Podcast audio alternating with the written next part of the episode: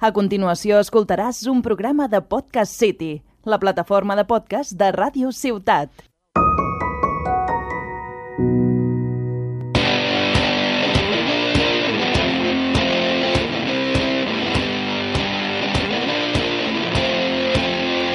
Benvinguts i benvingudes a un nou episodi d'Oficinista Busca Ofici, un espai on us donem a conèixer nous oficis. Jo sóc la Clara Pagès i un cop més amb la meva companya Neus Jové estem aquí per endinsar-nos en una nova professió. Així és, a veure com ens sorprèn avui la nostra convidada, perquè el mes passat la Blanca va deixar el gestor molt alt. Sí, la veritat és que amb la cançó final ens vam quedar bueno, amb un final bastant brutal. Bueno, bueno, no només va ser final, eh, perquè amb el pluriempleo també ho va petar bastant. Que dues feines i comp compatibilitzar-ho amb la universitat no és gent fàcil. Bueno, jo dius tu que fas tres feines, dos carreres, estàs aquí a la ràdio... Bueno, reina, ni que tu te quedessis curta, però bueno, aquest no, no és el tema, no estem parlant de nosaltres, o sigui que anem per feina. Avui parlarem d'un ofici molt desconegut. Jo crec que ni tu ni jo, Clara, sabíem quin ofici era aquest, fins que es va presentar l'Alèria i ens va parlar dels tastadors d'aigua. Vale. Segons internet, i el que hem trobat és... Un tastador d'aigua és una persona entrenada per distingir diferents aigües i els seus components a través del gust i l'olfacte. A més, els tastadors s'encarreguen de donar solució als problemes d'olor i de gust de les aigües i han de detectar el seu origen. Per això, avui donem la benvinguda a l'Alèria Garcia, experta en la matèria. Benvinguda. Uh! Hola! No sé si sóc molt experta, però sí que, sí que podem parlar una mica del tema. Vale, doncs comencem preguntant-te si la nostra definició és acurada. És bastant acurada. Um, al, al cap i a la fi, els tastadors d'aigua um, fan un anàlisi uh, sensorial, o també es podria dir organolèptic, de mostres d'aigua. Organolèptic, què vol dir?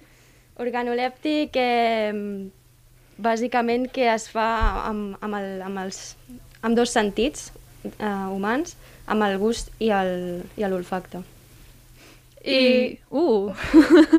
Perdó, és que tenia dues preguntes. La següent era com va ser el procés de selecció. Ja està. Eh, a veure, aquesta feina eh, jo la vaig fer durant els anys de la, de la universitat, eh, en el meu segon, tercer i quart any de carrera, perquè era una empresa, eh, en aquest cas, que buscava eh, estudiants que poguessin treballar per hores, que tinguessin bueno, eh, una certa flexibilitat, i llavors doncs, vam fer una selecció d'aquest perfil i després de tenir bueno, els nostres currículums, després eh, vam passar una, una fase d'entrevista personal. I l'entrevista personal no van ser ni preguntes tècniques ni res. Bàsicament ens van portar unes mostres a la taula, crec que van eh, entrevistar 50 persones. Uh -huh. I les mostres que teníem a la taula les havíem de... Res, no eren coses molt concretes, però sí ordenar per intensitats o dir quina olor et semblava o dolça, bueno, dolça, dolça seria del gust, perdó. Um, quina olor seria bueno, més afruitada, eh, més amb olor a clor, etc. Llavors, un cop passaves a, a aquesta entrevista, crec que van agafar en aquell any, ens van agafar 5 persones. De 50? De 50 que havien estat dins del perfil d'estudiants, sí. Molt bé. I tu com te vas assabentar de... Bueno, o sigui, abans de, de provar aquesta feina, tu ja coneixies que ja existia aquesta professió? No, no, no coneixia aquesta professió i, de fet, estava buscant alguna cosa justament flexible, eh, justament per hores també, i vaig trobar en un, en un portal de una ETT eh, que oferien això. Al principi no sabia exactament què volien, però com que buscaven estudiants de, de ciències, de química eh, o, o, o bio, etc., doncs vaig a, vaig a donar el meu perfil i em van, em van trucar. Però que s'adaptaven al teu horari? Eh, sí, perquè al, al final, bueno, clar, jo això no ho sabia molt bé al principi, però al final eh, nosaltres ens reuníem dos cops a la setmana només una hora. Cada sessió era d'una hora. Bueno, t'estàs donant en compte que na Clara i jo mos estem solapant tot el temps perquè tenim tantes preguntes. És que tinc moltes preguntes. Estem flipant tant amb aquest ofici que, bueno, ja no sabem... Tenim tantes preguntes que ja no, no sabem no, toca, toca, en a qui li toca parlar. Um, a veure, ens podries explicar més o manco com era, diguéssim, el teu dia a dia d'anar a la feina? O sigui, què feies quan en- arribaves allà? Teníeu una taula, anàveu provant aigua? No sabem com funciona. Mm-hmm. Sí, eh, a veure, primer de tot volia fer com un- una mica un, un resum. Hi ha, hi ha testadors, és a dir, els testadors d'aigua, bueno, doncs això es dediquen a, testa, a tastar aigua. A, a la indústria d'alimentació hi ha testadors també de menjar, ¿vale?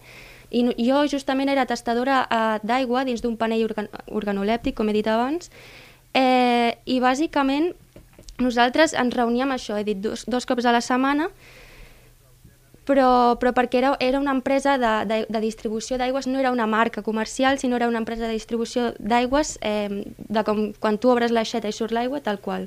I tenien aquest com, era com un segell de qualitat tenir un grup de persones que analitzaven l'aigua. Vale? Llavors, nosaltres el que fèiem era, el dia que hi havia sessió, sobretot no podies menjar 3 o 4 hores abans d'anar a la sessió, ni et podies posar cremes ni, ni res, ni, ni, ni crema de llavi ni crema a les mans, perquè, clar, després quan t'acostaves la mostra podies olorar els, els components químics de, de, de, de cosmètics, etc. I ja està. I, i és això, anàvem, anàvem a la sessió, eh, la sessió donava una hora, ens presentaven tres mostres i les tres mostres les analitzàvem tant pel gust com per l'olfacte, és a dir, en total hi havia sis mostres a la taula. D'acord? I nosaltres, és això, érem un, érem un, no era de forma individual, sinó era de forma grupal. Hi han sis persones que analitzen a la vegada, perquè al final el que fan és una mitjana de, de, del, dels resultats que treuen. I la gent que treballa, que has dit que t'estaven menjar, saps quina classe de menjar era o quin procediment feien servir? Um, no, no sóc molt experta en, a, en aquest camp, però el, el que sí que sé és que quan, quan hi ha, hi ha diversos, diversos nivells, és a dir, hi ha, a vegades es fan components químics que són additius de, de gust pel menjar, llavors directament es, es pot tastar aquest d'algu- d'alguna forma o després com a producte final, un cop ja estan tots els elements intra, integrats del producte, també es pot tastar al final. Vale, però vull dir, no eren menjars d'una cadena ràpida o d'un restaurant en Eh, concret, a- sinó que eren... Eh, són més aviat per empreses de la indústria alimentària que es dediquen eh, a sintetitzar components que es poden in incorporar a, a, a, a menjar que venen altres empreses. És a dir, per exemple, no, no, no diré marques ni diré res, però sa sabem, per exemple, hi ha, hi ha menjar fast food o coses d'aquestes que tenen un gust molt característic, això no ve d'un producte natural, etc. És, és un additiu que dona aquest gust Llavors això, això s'ha de sintetitzar, s'ha de passar tots uns permisos i després també passa un, un, un tast, Mhm. que és el tast alimentari. I com diferencieu d'una altra? O sigui, compareu? Perquè al cap i a la fi, ah. bueno, l'aigua és complicat dir, molt, te molt gusta bona tant. pregunta, molt bona pregunta. Clar, nosaltres, eh, nosaltres analitzàvem mostres que havien sortit de depuradora, que ja es podien distribuir a la xarxa, vale? per, per dir-ho així.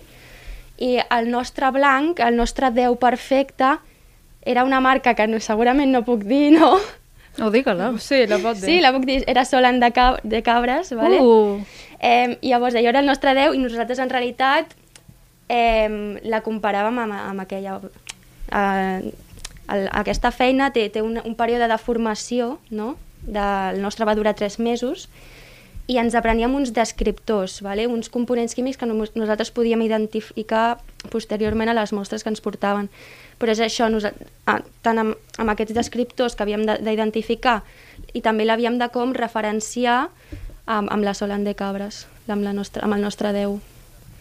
I si, per exemple, algú estigués encostipat, No, podia venir a treballar? no podia venir a treballar, llavors com que nosaltres érem un grup de més o menys unes 10 persones, bueno, 8, eren 8 o 10, ara no recordo, depèn del, de l'any, eh, llavors tu t'apuntaves per les sessions que podies O sigui, era bastant fle- flexible, no? Era molt flexible, si tu tenies exàmens o aquell dia no anava bé, o estàs encostipat, òbviament, pues, no, no anaves. I quanta aigua havíeu de beure? O sigui, us donaven un got, una botella petita? Com, com Tenia un lavabo a prop? Exacte, important això. Tampoc feia... Fa... Ta, ta, no és tant de veure, veure, veure, sinó és més d'agafar un glob i assaborir, empassar i, i, i tal. Bueno, dic empassar, però hi havia gent que no em passava. És a dir, eh, teníem al costat un, un vas de precipitats per si nosaltres volíem eh, retornar la mostra i jo recordo que algun cop sí que ho vaig arribar a fer, eren mostres que jo que sé, tenien molt gust a terra o clor, que no t'ho vols empassar i la, la diposites al vas de precipitats, no te l'empasses. Què diries que... mm, Què destacaries d'aquesta experiència, d'aquest treball? Què és el que més t'ha agradat? Doncs em va obrir un món, no? Perquè jo sí que era molt sensible a les olors, al gust no tant, però a les olors ho era bastant, i, i realment em va, em va captivar, i de fet jo després de- d'acabar aquesta feina i acabar la carrera, em vaig arribar a plantejar ser perfumista, perquè m'agradava moltíssim. Eh, després vaig veure quin era el camí a fer per, per ser perfumista i no em va atraure tant, bueno, són raons personals i al final em vaig decantar per la investigació. Però, però és això, em va obrir un món i, i bueno, tinc més anècdotes, eh? però, però bàsicament... Sí, jo també en tinc una, i és que vam anar a un restaurant i jo recordo que tu, jo sé que tu tens un do perquè vas provar l'aigua i vas dir que aquesta aigua te gusta, no recordo el què, i vaig pensar, jolín, Eh, és això, és que a, a la llarga, i això fa, fa quants anys fa que no, que no vaig treballar allà? Farà uns 6-7 anys que jo vaig deixar de treballar, però igualment, eh, i de fet aquí quan ara porto dos anys i mig vivint a Tarragona, i bueno, he canviat de pis dues vegades i depèn de la, de, del barri de Tarragona, l'aigua de l'aixeta té un gust o un altre. I, i bueno, li trobes descriptors, no? Nosaltres eh, teníem una roda de descriptors, no? que això ens ho van ensenyar a la, a la, durant els tres mesos de formació, on ten, ens, ten, eren famílies, no? per exemple, els, els uh, gustos i olors a terres. Vale? Terra, tenies diversos terres, terra florida, terra seca, hi havia cinc, cinc olors de, per referir-te a, a quan fa olor a terra. Gespa, gespa, olor a gespa ta- tallada, eh, tres tipus de clors, eh, els gustos també teníem fins i tot gust metàl·lic, teníem dos tipus de metàl·lics. però hi havia una referència de gespa tallada i després Ah, teníeu la mostra ah, o era... No, no aquestes, les referències ens les havíem après durant la formació, Vale. però això se't quedava mm, guardat al cervell i, al cap, i després, en els pròxims anys, tu mm, la recordaves. Clara, tenc una pregunta sèria per tu. Per mi? Sí. O sigui, canviarem un poc el rumb. Tinc por. a veure, has comentat que vareu anar a un restaurant i ella va... Bueno, el Vols que et gust digui de l'aigua... No. Vale. Vull saber si tu també li vas notar el gust o quan vas sentir que ella de aquesta aigua té un gust estrany, tu vas dir, jo no he notat res. Jo no vaig notar res, jo vaig dir, està boníssima.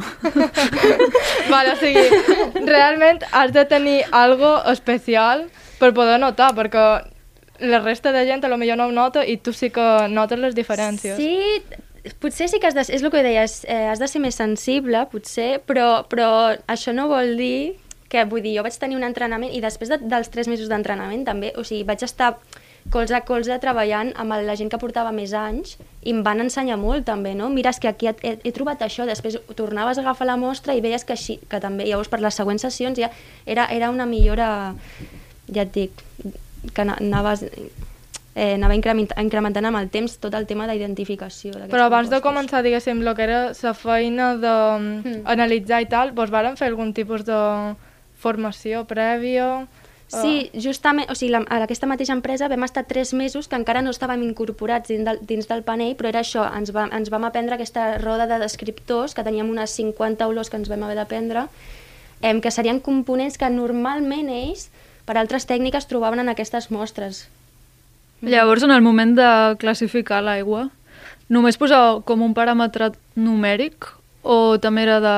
Mhm. Teníeu com un paper on posàveu tics, creuetes... Sí, eh, no posàvem ni tics ni creuetes, era simplement, eh, teníem com una taula eh, i nosaltres posàvem els descriptors que havíem trobat i amb quina intensitat. Val? I tant per l'olfacte com pel gust. Una cosa molt, molt curiosa que, que no us he explicat encara és que per les mostres d'olfacte, és a dir, teníem tres mostres, no? Eh, I per cada, per cada mostra teníem, eh, la dividien en dos. Una per provar, que es provava a 25, gra- 25 graus de temperatura, i l'olfacte s'olorava a 45 graus perquè hi hagués una mica de vapor d'aigua perquè les, les molècules siguessin més volàtils. I, i això, Jo m'he perdut, però... bueno, és, són, són detalls una mica més tècnics, però sí que que, bueno, és que ana- anava així, és, és, és, és bastant curiós en realitat.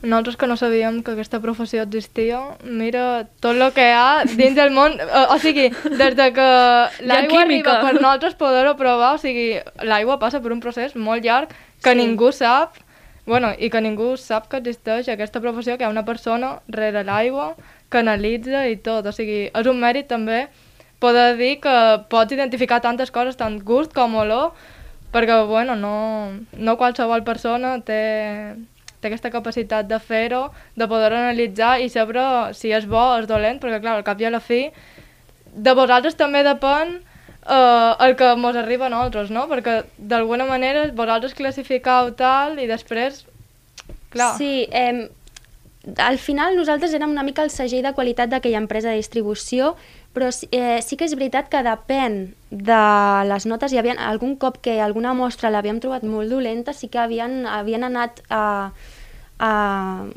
a fer treball de camp, per dir-ho així, per, per veure què, què passava, no?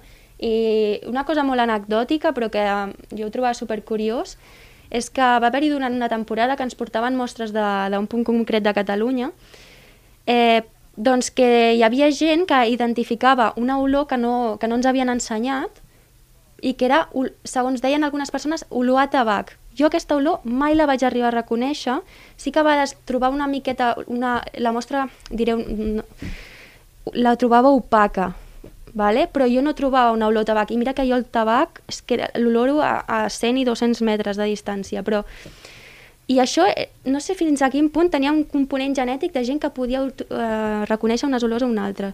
Però al final van anar allà a, on extraien la mostra a veure si, si passava alguna cosa, si hi havia algun problema, i van veure que hi havia moviments de terres d'una empresa constructora a un punt més llunyà.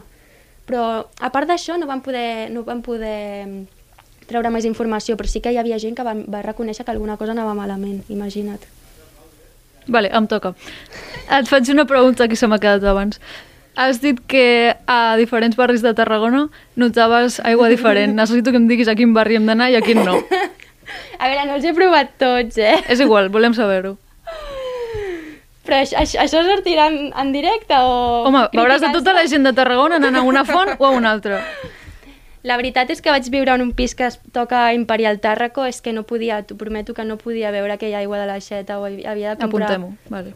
I després sí que vaig estar vivint després a, a, un, ba, a, un, a un barri, al barri que queda just abans d'entrar a la muralla, per Avinguda Catalunya, i la veritat és que molt millor. Igual, òbviament li trobava pegues, però bueno, jo crec que a tu t'hagués encantat aquell. Però de què vas? Um, actualment estàs treballant en un laboratori, veritat? eh, Ja no. exacte, sí. Sí? Uh, creus que aquesta feina t'ha pogut ajudar professionalment també en el tema del laboratori de la feina actual? Professionalment no sé què dir-te perquè són feines molt diferents, ara mateix em dedico a la investigació, però em va ajudar pues, a introduir-me en el món de l'empresa també i ara avui en dia jo treballo això en un laboratori de, on fem síntesi orgànica i altres, altres tipus de bueno, i treballem amb molècules i sí que és veritat que quan algú a vegades està treballant en un compost que fa molta olor, entro i dic, hosti, és que jo aquí no puc estar, o sigui, és, soc una mica també de, detector i a vegades hi ha gent que em diu jo no ho sento i jo dic, ostres, doncs sí, sí, aquí algú s'ha... vull dir, hem de ventilar perquè són compostos químics al final, saps? Mm -hmm. També cantes al laboratori, ho pots explicar, si vols. Clar, Però això no té res a veure. No ho sé, ho he recordat, vale. L'estàs fincant en un compromís. No, no, he vingut aquí a parlar. No. Bueno, això serà en un altre programa. Llavors passem a una pregunta d'àudio, si vols, que ens ha enviat un, un àudio de WhatsApp. Eh, buenas, soy Aaron y soy fan, fan, fan incondicional del podcast. Super fan. No me he perdido ni un episodio, ni aquel que colgasteis en la dark web. Y mira que os pasasteis con aquellas maravillas. Pero bueno, esa es otra historia. Tengo un par de preguntas a la eminencia sobre aguas que tenéis ahí sentada. La primera es si sabe lo que ha pasado con Liquid Death. Liquid Death es una empresa que vende agua, pero en lata. O sea, se ha popularizado en Estados Unidos eh, sobre todo, porque hicieron ahí una campaña de marketing súper agresiva. Venden agua, de la que compramos nosotros en botellas de plástico, pero en latas de aluminio, que por cierto, 18 dólares el pack de 12, o sea, 1,4 dólares la lata. ¿es verdad que el envase de aluminio hace que se conserve mejor el sabor a agua o es simplemente un sacacuartos más? Cosa que no me extrañaría, puesto que en su web no solo venden agua en lata y agua de bong, sino merchandising. Y yo no veo a Bezoya vendiendo camisetas de Bezoya, beba nuestra agua y le crecerá la po, ya sabéis por dónde voy. Y la segunda, ¿hay alguna manera de cerrar la boca a los madrileños cuando se a hablar de, su agua, del agua de Madrid, con Z, con Z de zoquetes, que es lo que son? Es que, de verdad, no paran, no paran. Ya sé que el agua que tenemos aquí no es maravillosa, pero ¿y tan buena es el agua de Madrid? ¿Hay alguna manera de, de, de cerrarles la boca cuando se ponen a, a lavar su agua? ¿O es que de verdad es tan buena? Vale, un saludo y nos vemos la próxima semana, este paso. O la próxima semana, mejor dicho, el próximo podcast. Doncs, a veure, anem per parts. La primera pregunta, eh, no, no coneixia aquesta marca, sincerament.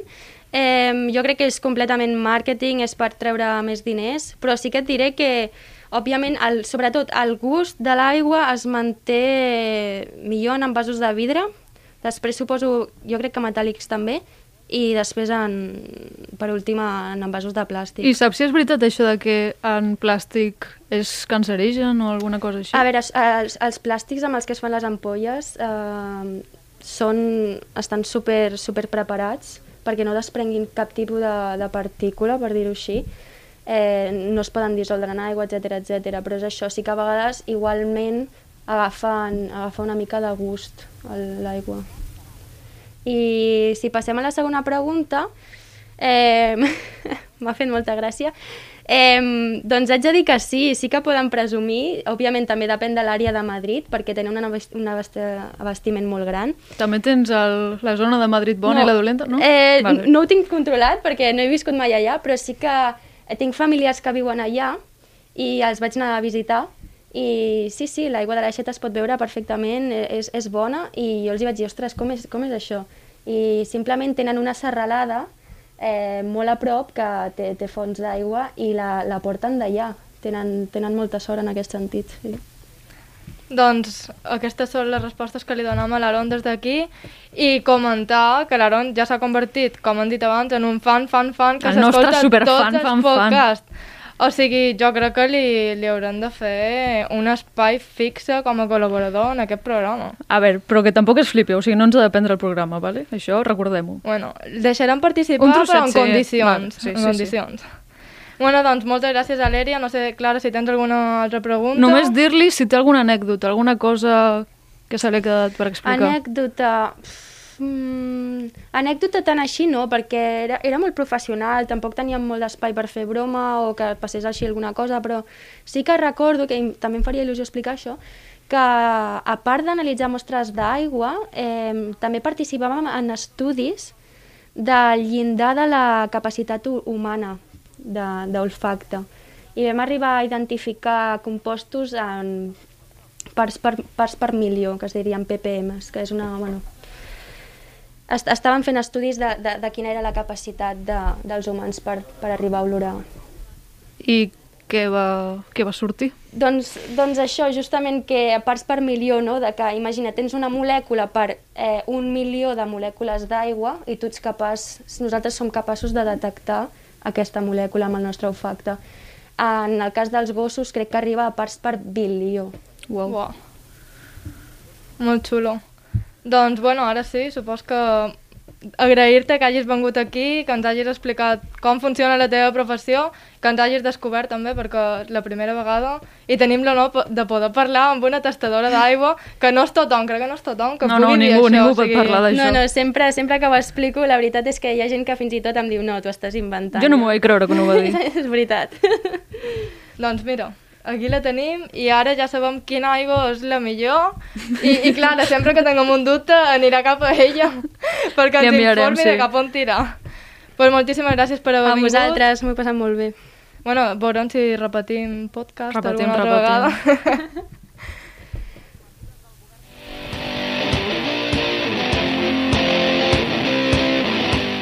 I a tu, estimat oient, et recordem que ens pots seguir, enviar dubtes, preguntes, inquietuds i consultar tot allò que vulguis a través del nostre compte d'Instagram arroba oficinista.ofici o a través del nostre correu electrònic oficinista arroba gmail.com I ara sí, Agafa l'ampolla d'aigua, estira't al sofà i relaxa't, que mentrestant la feina te la fem nosaltres.